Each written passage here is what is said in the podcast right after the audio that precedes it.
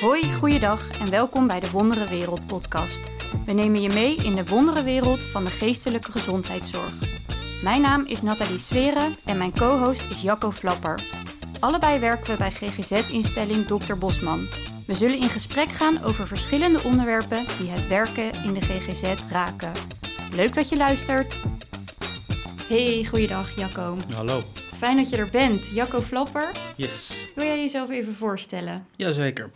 Mijn naam is Jacco Flapper. Ik werk als SPV'er en als opleider en klachtenfunctionaris bij eh, Dr. Bosman. Sinds nou, bijna vier jaar. Ehm, hiervoor heb ik gewerkt eh, ja, eigenlijk vanaf 2000 in de GGZ. Ehm, begonnen bij GGNet als psychiatrisch verpleegkundige op de gesloten crisisopname. Toen ben ik eh, teammanager geworden op een kliniek voor mensen met een lichtverstandelijke beperking en psychiatrische stoornissen. Nou, dat management gebeuren, een aantal aspecten vond ik ontzettend leuk, maar een aantal ook absoluut niet. Toen ben ik de opleiding tot SPV'er gaan doen, eh, op dezelfde kliniek en op de polykliniek daarvan, VGGNet heette dat. En ehm, daarnaast binnen GGNet ook voorzitter geworden van een leerkring, eh, opleider SPV en een aantal andere rollen nog eh, op me genomen, het ontwikkelen van ketenscholing. En nou, vier jaar geleden uiteindelijk eh, geland bij eh dokter Bosman. Leuk. Klinkt, eh, klinkt interessant. Ja. En de meeste mensen horen natuurlijk onze intro. Die horen Jacco Flapper. Die denken vervolgens, hey, Jacco Flapper. Dat, eh, dat klopt, jij bent natuurlijk mijn co-host. Yep. Eh, maar vandaag ben je hier als ja, geïnterviewde slash gast. Ja. Want jij weet veel over LVB, licht verstandelijke beperking. En ik weet er niet heel veel van. Maar ik wil er wel heel veel meer over leren. Dus nou ja, dat is het thema voor vandaag. Leuk dat je er, dat je er bent in eh, je eigen podcast. Ja, dankjewel. Fijn om hier te zijn. Doe ja, het goed. mooi. Hey, kan jij eens überhaupt vertellen over wat is, wat is LVB? Een LVB, eh, dat is een, eh, heel grof gezegd, is, is een cognitieve beperking. Het niveau is het IQ tussen de 50 en de 70, eh, waarbij in de DSM-4 eh, eh, ook nog een aparte ruimte was gereserveerd voor de IQ tussen 70 en 85. En dat heette dan zwakbegaafdheid. Dat begrip is in de DSM-5 vervallen. En daarin hebben ze wel weer ruimte ingekleed voor de adaptieve vaardigheden. Die werden in de eerdere DSM's niet meegenomen en die worden nu wel meegenomen. Dat is een goede stap in de richting. Ja? Ja. En wat, wat versta jij onder adaptieve vaardigheden? Nou, dat, dat is eigenlijk een heel breed concept. Het is een containerbegrip, net zoals LVB een containerbegrip is. Eh, adaptieve vaardigheden, dat gaat over hele praktische zaken als lezen, rekenen, schrijven, eh klok kijken, plannen, organiseren, eh, sociale vaardigheden, communiceren, ehm, praktische vaardigheden. Zorgen ervoor dat je, dat je nou, een beetje verzorgd voor de dag komt, maar ook dat je met de trein of met de bus van A naar B kan komen. En eh, met name de belangrijkste, eh, waar wij in ons werk in de GGZ eh, vaak mensen tegenkomen die daarmee in de knoei komen, dat zijn de sociale vaardigheden. Dus hoe hou je je staande in het sociale verkeer en conformeer je je aan de sociale maatstaven die er vandaag zijn? En heb je daar dan meteen een voorbeeld van? Wat je bijvoorbeeld in je behandelingen tegenkomt? Ehm, nou ja, ik, ik denk misschien nog wel een aansprekender voorbeeld is, eh, we zitten hier in eh, de hoofdstad van, eh, van Nederland. Er is volgens mij anderhalf, twee jaar geleden is er een onderzoek gedaan naar de jeugdige daders van de cocaïneoorlog die hier nou, volgens mij nog steeds wel een beetje gevoerd wordt. Mhm. En kwamen ze erachter dat het gros van de daders jongeren waren met veelal een LVB. Makkelijk beïnvloedbaar. Dat is natuurlijk een enorm dramatisch voorbeeld, want, want gelukkig eh, zijn dat de uitwassen. Mhm. Maar het is wel kenmerkend voor hoe beïnvloedbaar mensen met een LVB zijn. Ja. Oké, ja. Ehm, en je, je had het net al even over de DSM-5-classificatie. dat is natuurlijk hoe we afgesproken hebben wanneer je aan LVB voldoet. Mhm. Wat zijn bepaalde dingen waar dan naar gekeken wordt? Dus eigenlijk wat je net al zei, het IQ en adaptieve vaardigheden. Maar hoe, ja, hoe pak je dat aan? Hoe kijk je daarnaar? Hoe wordt het geclassificeerd? Ja, het is, je hebt daar verschillende instrumenten voor. Maar om, om dat duidelijk uit te leggen, ehm, moet je eigenlijk naar het proces kijken. Kijk, sec gezien op het moment dat je denkt, hier is wat anders aan de hand dan puur alleen maar GGZ-problematiek, dan zit je er eigenlijk al middenin. En dan ga je onderzoeken wat het IQ is. Dat doe je met een IQ-test. Eh, je kan eh, eh, de sociale vaardigheden, de sociaal-emotionele ontwikkeling met een CEO kan je onderzoeken. Dus er zijn er verschillende instrumenten die je toe kan passen om te onderzoeken wat iemands IQ is en wat iemands sociaal-emotionele ontwikkeling is. Mhm. Belangrijker is dat je aan de voorkant van dat proces eh, ehm, cliënten hebt waarbij je eigenlijk niet zo goed weet wat er aan de hand is. Hè, waarbij, waarbij de beperking eigenlijk verborgen blijft. Op het moment dat je zegt lichtverstandelijke beperking, een IQ van 65, noem maar wat, dan heeft eigenlijk bijna iedere hulpverlener wel een kenmerkend plaatje in zijn hoofd. Of, hè, dat, dat, dat, wordt, dat wordt dan opgeroepen. Uh, waarmee je invult um, aan wat, wat voor een beeld zo iemand moet voldoen. En dat kan hem zitten in taal, dat kan hem zitten in kleding, dat kan hem zitten in verzorging, in, in, in noem maar op. Um, het grote probleem is echter dat er ook een enorme groep is die we uh, er op die manier niet uitfilteren. Dus die eigenlijk rondzwerft in de GGZ met klachten, uh, maar niet herkent of waar niet goed op afgestemd wordt.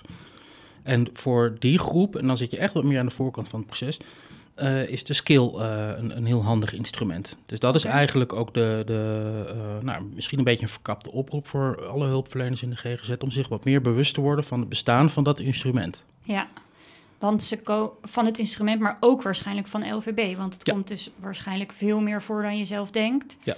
Dus het is niet meteen als er een goed verzorgd persoon voor je, voor je zit, dat er geen sprake kan zijn van een LVB. Nee, dus ook een soort niet. misschien verkapte oproep van überhaupt wees je bewust van mogelijke LVB-problematiek. Ja, als je je bewust bent van de skill, dan ben je je vaak ook wel bewust van de prevalentie ervan. Oké. Eh, en inderdaad, ehm, ja, van, van het chameleon-effect, om het zo maar even te noemen, wat daar eh, vaak mee gepaard gaat. Ja. Hey, en wat, wat is die skill? Wat is dat voor instrument? Eh, de skill is een, is een, een eh, kort meetinstrument. Het is ontwikkeld door eh, Xavier Monen en zijn team. En eh, dat, dat is eigenlijk een, een checklist die je in een kwartier, 20 minuten af kan nemen, waarin het gaat juist over die basale vaardigheden. Eh, dus, dus er staat een klok op en dan moet iemand zeggen hoe laat het is. En dan staat een heel simpel sommetje bij. eh, je, je bent, je bent eh, 13,5 uur verder, hoe laat is het nu? Mhm. Nou, zo, staan zo staan er begrijpend lezen, taalfouten, zo staan er een aantal dingen in. En als iemand onder een bepaald puntenpercentage scoort, dan is dat indicerend voor de aanwezigheid van een mogelijke LVB. Mhm. wil niet zeggen dat er een, dat er een verstandelijke beperking is, eh, maar eh, het, het, het indiceert het wel. Het zegt dan ook veel wat over het, over het niveau van functioneren op dat moment. Oké, wat interessant. En is daar dan een soort leeftijdsondergrens? Want ja, som kinderen zijn nog aan het leren überhaupt. Of kan je het bij iedereen afnemen of alleen bij volwassenen? Hoe zit dat? Ja, goede vraag. Hij is eh, sowieso gevalideerd voor volwassenen. En volgens mij zijn ze er ook met jeugdigen mee bezig, maar dat weet ik niet 100% zeker. Oké, maar sowieso volwassenen. Ja, voor volwassenen is die gevalideerd. Ja, dat onderzoek is door eh Jeanette Nieuwenhuis gedaan, Mhm. eh, die daar nou, meerdere onderzoeken naar heeft gedaan en er ook op aan het promoveren is nu. Ja, dus daarmee kijk je dan ook of er een indicatie is voor een LVB. LVB. En dat, leg je dat dan naast het IQ-onderzoek? Of hoe? Nee, dat is inleidend. Dus je, ehm, eh, nou, stel er komt iemand bij jou op intake en je hebt ergens een niet-pluisgevoel. En dat is eigenlijk waar, waar, ehm, ehm, waar een LVB-onderzoek al toe moet leiden. Als je denkt van er klopt iets gewoon niet. Mhm. Er klopt iets niet in de afstemming, er gebeurt wat geks in het contact. Soms lijkt het ook een beetje op ontwikkelingsproblematiek hoe het zich, eh, hoe het zich in het contact kan uiten. Mhm. Nou, als je dan een skill afneemt en iemand scoort onder de marge, dus scoort nou, noem eens 10 punten, 12 punten, Mhm. eh, dat kan indicerend zijn voor het eh, afnemen van een IQ-test. Ah, dus je doet het ervoor. Ja. Ja, Het is het echt, de skill zit echt aan de voorkant. oké. Ja. En nou, stel dan heb je dus een IQ-onderzoek gedaan en dan? Eh, nou ja, afhankelijk van de uitkomst pas je daar je beleid op aan. En je diagnostiek natuurlijk. Mhm. Dus, want je zei van aan de ene kant IQ, maar ook het adaptief vermogen. Dus dan ga je eigenlijk gewoon verder de diagnostiek in. Ja, zo bedoel je. Bekijken of er Ja. een LVB, sprake is van een LVB en dan ga je door. Ja, het, het, is niet onlosmakelijk aan elkaar verbonden. Hè? Het is eh, op het moment dat iemand een eh eh gemiddeld IQ scoort eh, na een IQ-test, dat is in wezen is dat al genoeg informatie om een behandeltraject aan te passen. Mhm. Wat je, eh, wat je echter goed mee kan nemen, is waar iemand staat in zijn emotionele ontwikkeling. Wat je bijvoorbeeld bij complex trauma wel eens ziet, dat een sociaal-emotionele ontwikkeling volledig kan stagneren. Mhm. Je ziet vaak bij mensen met een LVB dat, eh, dat, dat die ontwikkeling trager loopt. Mhm. Je, je, hebt, je hebt een soort kapstokje, eh, presentatieleeftijd, cognitieve leeftijd, eh, ontwikkelingsleeftijd. Nou, dat, dat trekt elkaar allemaal omhoog. Dat ook weer aan de hand van die maatschappelijke normen die we hebben. Dus, dus, dus wat er van je verwacht wordt, nou daar ga je je naar gedragen. Ehm, maar als je dat niet vol kan houden, als je continu overvraagd wordt, dan gaat al je energie en uh, alles wat je hebt, het gaat zitten in dat overcompenseren en overpresteren wat je doet. Waardoor je een, soort chronische, uh, ja, chronisch stressniveau ontwikkelt. Wat maakt Mhm. dat je in, je in je in je verdere ontwikkeling eigenlijk gewoon stil komt te liggen. Of Ja. dat die trager verloopt. Mhm. Maar ik, ik hoor hier bepaalde dingen die je zegt, waarvan ik denk, oh, dat kan dus inderdaad ook bij bepaalde ontwikkelingsstoornissen horen. Mhm. Ik kan me voorstellen dat er daardoor ook wel misdiagnoses of misclassificaties zijn. Of dat, dat je denkt dat het het een is, terwijl het misschien een LVB is of andersom. Zie je dat Ja. vaak gebeuren? Of hoe? hoe- Nou, het is een mooie vraag. De, de, de reden dat, dat Jeanette Nieuwenhuis dat, dat die, die skill heeft omarmd als instrument. Zij werkte eh, destijds en nu nog steeds als eh, eh, psychiater bij VGG Net. Eh, ze signaleerde dat al, alleen ze kon het niet onderbouwen. Mhm. Dus wat ze heeft gedaan is, eh, ze is met Xavier eh, Monen dat instrument gaan valideren en gaan kijken wat zijn nou die cijfers die daaruit tevoorschijn komen. Nou, dat, die cijfers die waren, die waren best confronterend. Daaruit bleek dat, ze, zijn, ze is begonnen bij de vakteams, Mhm. dat 40% van de mensen binnen de vakteams een niet gediagnosticeerde LVB had. Zo, Ja, dat was echt veel. dat was fors, ja. En dat was toen dat het onderzoek werd in het oosten van het land gedaan. Toen werd er vanuit het westen werd nog wat gehoond in de zin Oh, van, ja. ja, dat, ja, Nee, bij ons niet hoor. Precies, ja, dat, dat is daar. Hier hebben we de zaakjes keurig op orde. Al die Ja. mensen bij de LVB zitten netjes in die sector. Dus Jeannette is dat vast gaan onderzoeken, of niet? Die is dat gaan onderzoeken, ja. In, eh, ze is in Rotterdam begonnen. En ehm, eh, nou goed, daar, daar bleken eigenlijk zo, zo grofweg dezelfde cijfers wel. Gemiddeld kun je aannemen dat, dat op het moment dat er sprake is van stevigere psychiatrie met wat comorbiditeit, nou, dat zo'n drie tot vier op de tien cliënten een verstandelijke beperking heeft. Veel, joh. Nou, en om die, eh, eh, dat is natuurlijk best prikkelend data, dus die is verder gaan, eh, verder gaan onderzoeken, onder andere met de, met, met de TSQ, Mhm. is ze gaan kijken van, maar wat als je ervan uitgaat dat deze groep dus dermate kwetsbaar is, dat die zo vaak rondloopt in, in de GGZ, Mhm. dus, dus met ja, comorbiditeit, van, vanuit welke hoek je het ook bekijkt, Ehm, hoe zit dat dan met de trauma-gerelateerde zaken? Bijvoorbeeld hè, bij, bij, Mhm. bij die verhoogd kwetsbare mensen. Nou, daar het bleek dat van die 40%, 86% trauma-gerelateerde klachten had. Zo. Ja. En 42% daarvan had daadwerkelijk ook echt PTSS-klachten. Dus die had een te, te diagnosti- diagnosticeren trauma. Ja, Eh, van die PTSS-klachten bestond 61% uit vrouwen met ervaring op het gebied van seksueel misbruik. jeetje. Ja, dus je komt daar eigenlijk een soort piramide van kwetsbaarheid tegen in die Ja. doelgroep. Wat zorgelijk. Ja. Jeetje, Mina. Oké. Dus daarmee gaan er ook duizend uitroeptekens en, en vlaggen op van... jongens, voorzichtig, let hierop, hier moeten we iets mee. Ja, nou dat is eigenlijk het geluid wat je vanaf het moment dat die onderzoeken echt gevalideerd en gepubliceerd werden, wat, wat, wat je toenemend eh, rond hoort zingen van, van jongens, heads up. Dit is een belangrijke doelgroep. Hè? Dat, dat, nou, nog wat, wat cijfertjes te strooien. Drie keer vaker opname in de GGZ. Vier keer vaker eh, in contact met dwang en drang. Ja, Dus de, de kwetsbaarheid en overvragingscomponent is gigantisch. echt enorm. Naast de valkuil van de presentatie, waar je als hulpverlener dan vaak toch weer intuint. Ja, en dat is natuurlijk ook eigenlijk heel erg zorgelijk. Dat bovenop de zorgelijkheid die er al is, het dus ook vanaf de andere kant, vanuit de GGZ, niet altijd goed gevangen wordt. Of nou, misschien nog heftiger gezegd, vaak niet goed gevangen wordt. Ja, het, weet je, ik vind het een lastige, Nathalie. Want de, de, de, de, de reflexmatige, misschien wat Calvinistisch Nederlands wijze, die, die, ik, waar ik mezelf ook wel eens op betrap, van kijken naar deze hulpverlening, is inderdaad wat oordelend. Ehm, terwijl, ja, de, de, ehm, eh, er is geen enkele hulpverlener die aan de tafel gaat zitten en denkt van, nou, als ik deze dag eh, door weet te komen tot, tot vijf uur, ben ik tevreden. Mhm. Iedere hulpverlener gaat er zitten voor die cliënt die tegenover hem aan tafel zit. Mhm. Dus de mogelijke misdiagnostiek plaatsvindt, die, die, die plaatsvindt, de overvraging die plaatsvindt. Mhm. Ja, punt 1, dat gebeurt. Ja, Gebeurt Ja. mij ook. Gebeurt iedereen die met deze mensen werkt. ja. Ehm, maar er zit geen, geen onwil achter. Of, of Nee, het is, nee, dat uiteraard niet. Dat staat er los van. Maar het is natuurlijk wel jammer dat dat dus blijkbaar nog vaak gebeurt. Ja. Het zou mooi zijn als, als veel me- meer hulpverleners kennis hierover krijgen en zich er bewust van zijn. eh, om hier meer op te letten, ook vooral voor mijzelf. Want wat ik aan het begin al zei, ik ben er niet heel erg bekend mee, omdat onze doelgroep ook over het algemeen... Uh, nou ja, als kinderen dus ook weer iets anders, maar het is niet dat daar geen LVB voorkomt. Mhm. Want dat is niet dat je dat op je twintigste ineens ontwikkelt. Uh, helemaal niet. Maar als ik voor mezelf spreek, voor mij zijn dit soort dingen wel een soort eye-opener. Dat ik denk, oh ja, ik moet hier echt wel meer mee en, en scherper op zijn. Ja. Um, dus als meer mensen dat hebben, dan, dan als veel meer mensen dat hebben, dan hoop ik dat dat er ook sneller uitgefilterd kan worden. Ja. Ook al zal het niet zo zwart-wit zijn, maar...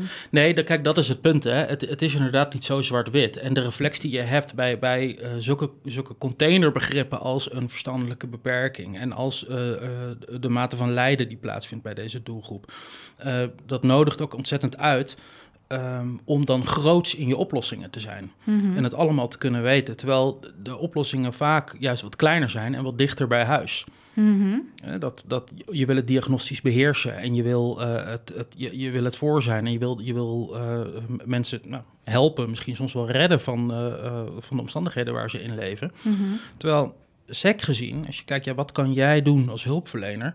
Nou, ga eens oefenen met je taal aanpassen. -hmm. Ja, heb je daar voorbeelden van? Ja, zeker. Dat, uh, als ik daar les of training uh, uh, over geef, dan een heel leuk, hele leuke oefening is, is heel simpel. Probeer eens in een zin geen komma's te gebruiken en maar één boodschap te verpakken. Zo. Ja. Het is mij deze podcast nog geen één keer gelukt. Nee. wow, ik zit er even over na te denken. Dus eigenlijk ga je, ik kan me voorstellen dat het dan ook een beetje kinderlijk voelt. Dat je hele korte opdrachten, korte zinnen. Ja, ja ik heb daarin, toen ik met, met deze doelgroep begon te werken, um, vooral de confrontatie met mezelf aan moeten gaan. Dat ik mijn eigen, een soort projectieve identificatie, mijn eigen schaamtegevoelens op mijn cliënt projecteerde. En dacht van, ja, maar zo, dit kan ik toch niet maken? Mm -hmm. Om zo tegen iemand te praten. Terwijl dat eigenlijk de enige manier is om af te stemmen of je ook echt, ook emotioneel, goed in je aansluiting zit ja. met je cliënt. Ja. Een heel mooi voorbeeldje daarvan is, is los van, ga maar eens oefenen om één boodschap te gebruiken. Gun ook maar nadenktijd en schakeltijd. Ja. Hou maar wat dus langer stiltes stil. laten vallen. Laat die stiltes maar vallen. Ja. En, en het, het oncomfortabele wat je tegenkomt, nou, dat is toch echt het oncomfortabele van jezelf. Ja, het is je eigen, je eigen oncomfortabelheid. Dat doet me ook wel een beetje denken aan de, uh, de ADOS, een autisme uh, Mhm. diagnostisch onderzoek. Um, waarbij je dus ook bepaalde dingen zegt en dan dus gewoon een stilte laat vallen om te kijken ja. hoe er gereageerd wordt. Ja, ik vind dat best wel moeilijk, omdat ik dan, ik wil diegene ja, eigenlijk inderdaad, ik wil diegene zich op zijn gemak laten voelen, maar je laat een ongemakkelijke stilte vallen. Terwijl eigenlijk is het ongemak dat ik voel als mijn eigen ongemak. Ja. Dus dat zal hierbij net zo zijn. Ja, de vraag die je jezelf toch best wel vaak kan stellen, dat is best een confronterende. Wie, wie probeer je op dat moment namelijk te helpen? Wel. Kijk, een ander leuk voorbeeldje is bijvoorbeeld ook dat je mensen vraagt om samenvattingen te maken. Mhm. Ja, en, en hoe stel je die vraag? Hè? Je kan jezelf er ook wel een beetje in matsen natuurlijk. Je kan, hè, dat, dat, ik zou jou kunnen vragen van, nou Nathalie, zou je dit eens eventjes willen samenvatten voor mij? Gaan we eens even kijken of je het allemaal wel goed begrepen hebt. Mhm. Dat is best paternaliserend. Ja. Eh, Dan ben je in de hiërarchie ook wel duidelijk. En dan weet je één ding zeker, dat contact zal je vrij snel kwijt zijn. Ja, Eh, want dit is wat die mensen dagelijks overkomt. En wat ze spuug en spuug zat zijn, maar Ja. ze weten niet beter. ja, In plaats daarvan kun je jezelf ook wat meer als instrument naar voren schuiven en wat, wat onschuldigend zijn. En zeggen, nou Nathalie, ik ken mezelf, ik kan behoorlijk babbelen. Maar soms vergeet ik gewoon of ik wel duidelijk ben. Zou je mij eens kunnen vertellen wat we nu hebben afgesproken? Dan weet ik of ik het goed heb gedaan. ja. Ja, dan stel je je naast iemand op. Ja. En het gebeurt regelmatig dat je dan terugkrijgt. Nou, we hebben dat en dat en dat. Ja, zie je wel, ik wist het, ik ben weer wat vergeten. Dom, dom, dom. Nou, kijk. Ja, ja. En dan ga je tekenen, bijvoorbeeld. Ja, en jij krijgt ook je informatie. Juist. Ja, En je bent veilig. dat vooral. Ja, maar dat is, dat is toch een van de belangrijkste dingen. Ja. Omdat het allemaal zo onveilig voelt waarschijnlijk.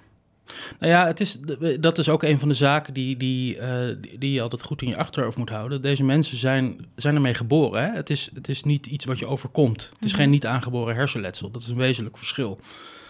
Ehm, dus ehm, waar wij bij onveiligheid denken van... hé, hey, dat is iets wat je overkomt. Hè? Je, eh, noem eens wat, op zaterdagavond eh, loop je met je vriend of je vriendin de kroeg uit... en je staat linksaf dat steegje in en er staat ineens een groep mannen dat je denkt... oei, nou, er gebeurt niks, je loopt lekker door. En, maar achteraf realiseer je wel, dat was geen fijn moment. Ik voelde Mhm. me echt onveilig. Wij kunnen dat kaderen.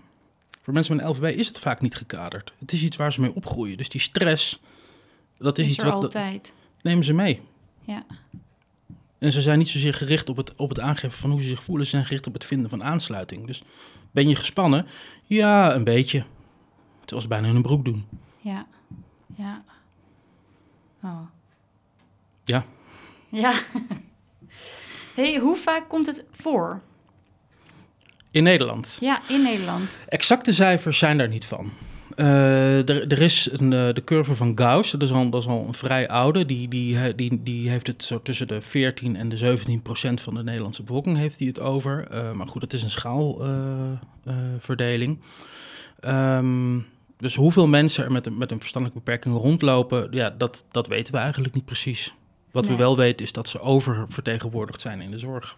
Ja, waar ze dan dus misschien voor andere dingen komen zonder dat er meteen gezien wordt dat het Ja. ook om een LVB gaat. Want ik kan me voorstellen dat er dus ook veel bijkomende problematiek komt, bijkomende Ja. psychiatrische stoornissen misschien. Hoe Ja. zit dat dan? Nou, wat je, wat je best vaak ziet is, hè, we hadden het net eventjes over de, eh, eh, de prevalentie van eh, traumaklachten bij mensen met een LVB. Wat je bijvoorbeeld heel vaak ziet, is dat als de LVB gemist is, het trauma ook gemist wordt. Ofwel gezien, maar niet goed behandelbaar eh, eh, wordt geacht. Mhm. En dat je dan gesuperponeerd een depressie ziet. Depressie die komt op de voorgrond eh, Mhm. te staan. En dat is natuurlijk ook makkelijk. Hè? Depressieve klachten is ook taal. Ja. Dus ik pieker veel, ik voel me somber, het leven heeft helemaal geen zin meer, ik slaap slecht. Nou, iedere huisarts weet wat hij vervolgens moet doen Ja. bij dat verhaal. En iedere cliënt heeft het gevoel, hé, ik word gezien. Mhm. Ook al dekt het de lading niet helemaal, het is in elk geval iets. Mhm. Dus je ziet, daar, zie, daar kom je eh, ehm, ve- nou, veel in tegen, de, de gesuperponeerde eh, klachten. Maar eh, middelenmisbruik bijvoorbeeld, marginalisatie, Mhm. armoede, Ja. dat zijn allemaal zaken. Het is, het is, het is ehm 9 van de 10 keer is het niet enkelvoudig. Nee. Nee. Nee, zo klinkt het ook. Omdat ze dus vaker eerder komen met iets anders dan SEC. Ja. De LVB. Ja. hey, en hoe, eh, hoe ziet de behandeling eruit? Ehm, ja, dat, dat, dat, dat kan verschillen en dat kan ook helemaal niet verschillen. Het hangt er een beetje van af. Hè. Ehm, over het algemeen is het wel zo dat je meer pauzes neemt. Mhm. En eh, dat je eh, ook heel goed in de gaten houdt hoe talig je het inzet. Hè, de de UCL-methode is bijvoorbeeld een hele mooie manier om eh, nou, een stuk behandeling niet talig in te zetten. Mhm. Nou, zo zijn er heel veel verschillende manieren. Ehm, wat ook altijd erg prettig en erg belangrijk is, wat ik zelf ook heel veel doe, is, ehm, is, is eh, het, narratief meenemen in de behandeling. En dat, dat, dat kun je heel simpel doen door in het hier en nu in te zoomen op de copingstrategie en van daaruit te gaan kijken naar het verleden. Hoe is zoiets tot stand gekomen? Hè, dat werkt ook weer onschuldigend en verklarend. En dat werkt in je diagnostiek vaak ook wel weer prettig, omdat het filtert welke klachten pathologisch zijn en welke klachten vanuit een overtuiging voortvloeien. En die je zo weg kan, eh, eh, die je vrij vlot weg kan, kan, kan eh, eh, behandelen, om het zo maar even te zeggen. Of die wat meer inzet vragen. Mhm. Ehm, maar zaken als traumabehandeling, EMDR, cognitieve gedragstherapie, het kan allemaal. Je moet alleen wat eclectischer zijn in de inzet van je middelen. Ja, oké. Ja, helder. En ehm, is het ook dat het, als het puur dat ze het weten, dat het dat dat al een soort opluchtend of onschuldigend werkt, door er gewoon überhaupt meer over te leren? Ja, ja en nee. Ehm, weet je, de, de, de boodschap, die, ehm, het, het, het, het, is vooral hoe je de boodschap geeft ook hoor. Dat, dat scheelt ook. Ik moet denken aan iemand die van ons te horen kreeg toen ik bij VGGNet werkte. eh, van één, je hebt een verstandelijke beperking. één, je hebt een genetische afwijking. Mhm. Nou, dat van die verstandelijke beperking, dat kwam heel hard binnen. Want de Mhm. boodschap was, ja, zo, wordt die verstaan. Je bent eigenlijk gewoon te dom om mee te doen in deze wereld. Ja. Daar kwam het op neer, zo werd het vertaald. Ja, maar goed, hè, kijk, kijk naar kinderen die gepest worden op een schoolplein. Dat, dat Ja. In essentie zijn dat vaak dezelfde boodschap. Het gaat over uitstoting. Ja. Ehm, de boodschap over die genetische afwijzing, afwijking, die was echter veel abstracter en die was daardoor ook veel verontschuldigender. Mhm. Dat vond ik erg intrigerend. Ja, En daar kan de boodschap dan echt zijn, ja, je kan er niks aan doen. ja, Je bent zo gebouwd. Ja, dat is echt een wezenlijk verschil. Ja, terwijl het voor die verstandelijke het beperking... hetzelfde. Ja, het is Ja. exact hetzelfde, alleen dat voelt veel meer persoonlijker en gaat veel meer over identiteit, omdat het veel dichterbij is. Hè? Wat is een verstandelijke beperking? Ja, je bent te dom. Ja, Dus wat ik vaak doe in dat soort verhalen is, ik teken gewoon een hamburger. Waarbij de middenstuk maak ik het grootste. Nou, dat is de, de grootste groep Nederlanders. Die hebben een gemiddeld eh, IQ. En dan heb je een kleine bovenkant en een kleine onderkant. Nou, dat, dat, welke boven en welke onder is, het kan variëren. Mhm. En dat zijn de hoogbegaafden. En de mensen met een verstandelijke beperking. Ja, die Ja. zitten er net naast. Dus die hebben pech. Die moeten zich aanpassen aan een wereld waarvan de meeste mensen net even een andere taal spreekt. ja. En kunnen ze dat horen? Ja. Of is dat dan ook wel... Dat is vaak makkelijker. Ja, als je, eh, want de, eh, als, ik, als, ik, als ik in de psycho-educatie dat, dat, dat, dat, ja, dat hamburgermodelletje teken Mhm. en ik vraag van, goh, als je nou zou, zou, zou kunnen toveren, tot welke groep zou je dan willen behoren? 9 van de 10 keer is het antwoord, ja, ik zou het liefst bij die groep hoogbegaafden willen horen. Oh ja, Terwijl de problemen hetzelfde zijn, maar, Ja. maar de perceptie is, dan ben ik slimmer. ja. En dan zie ik het allemaal aankomen wat er op me afkomt. Oh, en daar ga je dan over in gesprek. Ja. ja. Hey, en wat is er belangrijk voor behandelaren in de behandeling? Nou, het allereerste waar ik, waar ik altijd eh, ehm, toe oproep, dat is het niet-pluisgevoel. Mhm. Negeer dat niet, ook al is het maar heel klein. En ehm, hou in je behandeling ook altijd eventjes een schuin oog open naar het dossier. En als er niks in staat over de schoolhistorie, maar toch loopt de behandeling een beetje stroef of een beetje eigenaardig, Mhm. eh, vraag dat dan eens uit. Zijn er doublures? Ben je blijven zitten? Eh, wat voor een opleidingsniveau heb je gedaan? Ehm, hoe ging dat? Had je vroeger vriendjes? Al dat soort zaken. Dus, dus kijk naar die jeugd. Ja, want daar komen de eerste tekenen natuurlijk Ja. al. Ja.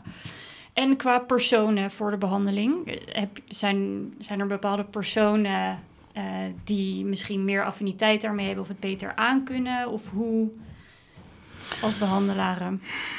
Ja, dat vind ik, ehm, dat vind ik lastig. Ik heb daar misschien wel een eh, eh, voorbeeldje van. Ehm, wat, wat, wat, mij ontzettend hielp. eh, maar dan ook meteen weer die manier waar ik nou over ga vertellen. Ehm, nou ja, laat, laat ik het voorbeeld gewoon geven. Er was, er was een intake die ik deed.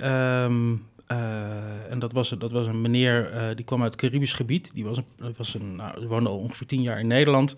Die was daar onderdeel van een familie die in eh, de drugs handelde, met name cocaïne. En ehm, eh, nou, die- die was in die zin zat, was naar Nederland gevlucht, maar het was hem niet gelukt om zich te onttrekken aan die handel. Dus die was daar in Nederland mee doorgegaan. En uiteindelijk was, was, dat, was die afgebroken, echt letterlijk nou, mentaal afgebroken. Eh, en kwam via via een lang traject bij ons terecht, eh, bij VGG Net. Eh, en ik zag hem voor intake samen met een woonbegeleider van het leger des Heils. En het was een hele enthousiaste, idealistische jonge meid die net klaar was met de HBOV. En nou, die vond het fantastisch dat ze zo'n grote, stoere, brede kerel, want het was een beer van een vent, dat ze die kon helpen op zijn eerste stappen op weg naar herstel. Dat, dat, dat, zonder te willen devalueren, denk ik dat we allemaal een beetje het beeld hebben van hoe wij Mhm. onze carrière in de zorg ook zijn begonnen. hè. Dat, Mhm. deels droom je een beetje. en ehm, eh, halverwege het gesprek vertelde die man me hoe ontzettend bang hij wel niet was. Eh, maar hoe lastig hij het vond om angst bij zichzelf te herkennen. En toen vroeg ik aan hem hoe hij zich daartegen wapende. Nou, letterlijk, dus hij wapende zich ertegen. Hij ging nooit ongewapend de deur uit. Eh, Mhm. dus toen ik vroeg of hij nu... Ja, hij was nu ook gewapend. En had een pistool eh, had hij bij zich. Dat had hij alleen wel voor de ingang van het gebouw in een vuilnisbak eh, gedaan in een plastic zak. Nou, die arme meid die schrok zich helemaal kapot. En die heb ik daarna ook nooit meer gezien. Nee, oh, jeetje. Ik maakte het grapje van, joh, nou, laat het volgende keer alsjeblieft gewoon thuis. Want de hulpverleners kunnen er niet zo goed tegen als er in een kantoor geschoten wordt. Nou, van daaruit kun je gaan bouwen naar, waarom heb je dat ding? Lever hem alsjeblieft gewoon in. Het, het, het, het brengt je helemaal niks. Het is Ja. alleen maar een reliquie uit het verleden waar je toch al van af wil. Ja, Zo gezegd, zo gedaan. Diezelfde man, die was ehm, fors getraumatiseerd.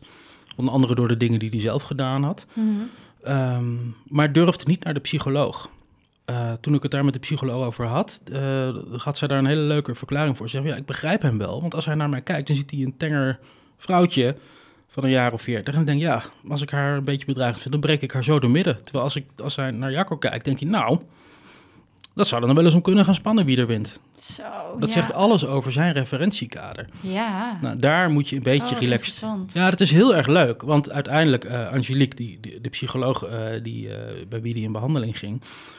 had een beetje dezelfde benadering. Ja, joh, weet je, jij gaat toch niks doen. Mhm. Daar gaan we het niet eens over hebben. Dat hoeft niet eens, want het bestaat helemaal niet. Nou, Ja. En die veiligheid, dat is uiteindelijk wat hij nodig heeft. Ja. Bottom line, een beetje eelt op de ziel helpt. Ja, ja, die veiligheid dus ook kunnen Ja. bieden. Tegen een stootje kunnen en wat heftige verhalen aan kunnen. En bij de ander laten wat bij de ander hoort. Ja, En, en daar begint veiligheid bieden. Hè? Dat, dat je in je presentie kan uitstralen, ik ben er. Mhm. En wat van jou is, is van jou. ja. ja, belangrijk. Jeetje, wat interessant. Dus je zult daar ook wel wat, nou, wat meer heftige dingen meegemaakt hebben. Nou ja, het is, het is een spectrum, ook dat. Hè? Dus inderdaad, ik heb heftige dingen meegemaakt, maar ik heb ook ontzettend leuke dingen meegemaakt. En het is, het is, ja, het is een ontzettend leuke doelgroep. Ik werk nu bij Dr. Bosman eh, niet meer met mensen met een eh, LVB, maar het is wel een doelgroep die nog steeds in mijn hart zit. Ja, wat zijn, wat zijn sterke kanten? Want we hebben het nu best wel over, nou, moeilijk en het is eh, ondergediagnosticeerd en dat soort dingen. Maar wat, wat zijn leuke en sterke kanten van LVB'ers? Voelsprieten. Ze Ja. hebben ongelooflijk goede sociale voelsprieten. Mhm. En hebben vaak al veel eerder de sfeer in de smiezen dan dat jij en ik dat hebben. Ja? Eh, goed met dieren, Mhm. creatief, Mhm. liefdevol, Oh, heel geduldig. Eh, ja, god, zo kan ik eigenlijk nog wel eventjes doorgaan. mooi. Charmant, vaak hele leuke humor. Oh, nou, wat superleuk. hey, en eh, nou, de maatschappij is natuurlijk heel talig. Ehm, zie je een bepaalde ontwikkeling in de maatschappij rondom LVB of... Ja, eigenlijk een beetje de, dezelfde ontwikkeling. Ik zat me voorafgaand aan deze podcast af te vragen... Goh, zou er eigenlijk een, een verband zijn tussen de toenemende diagnostiek en ontwikkelingsstoornissen die je ziet? Dus de toenemende ADHD-autisme-diagnostiek. En de mate waarin mensen met een cognitieve beperking in de knoei komen. Mhm. Eh, want dat, dat zijn allemaal maatschappelijke reflecties op, op, hun, eh, op, op hun eigen manier. Dus ja, hè, de maatschappij verhardt, versnelt, Mhm. digi- verdigitaliseert. Mhm. Ehm, zoals mijn vader, dat is absoluut een eh, intelligente man is, die loopt nu vast als hij met zijn DigiD een of ander coronapaspoort aan moet vragen. Ja, En weet het allemaal eventjes niet meer. nee. Dus je kan je het voorstellen hoe het is voor iemand die überhaupt het concept DigiD niet begrijpt. Ja. Ja, jeetje. Dus de problemen, ja, ze liggen op de loer en de zorg, de drempel naar de zorg wordt ook hoger. Ja, waarom? Nou, je ziet dat intakeprocedures bijvoorbeeld, de, de, de, de, lat tot intake komt, komt wezenlijk hoger te liggen. Er is gewoon minder geld en, en er komt nog minder geld beschikbaar. Dus wie je in behandeling hebt, hoe lang je iemand in behandeling hebt, Ja, ja, daar zit, daar zit gewoon perk en paal aan. ja. En dat, dat is op zich ergens, is dat, dat is natuurlijk een hartstikke gezonde beweging. Binnen Dr. Bosman moeten we natuurlijk ook altijd goed kritisch kijken van, ja, is het effectief wat we doen? Mhm. En als het niet effectief is, omdat we gewoon te lang bezig zijn, ja, dan moeten we ermee stoppen. Dan moeten we overdragen. En daar is op zich niks mis mee. Alleen het punt is, waar draag je dan naar over? ja. En hoe lang moet er daar weer gewacht worden? Dat ook, alle wachttijden. En ik kan me voorstellen dat, dat je niet meer zomaar ergens binnenloopt omdat je een paar vragen hebt over een DigiD of wat dan ook. En dat dan het balletje gaat rollen. Nee.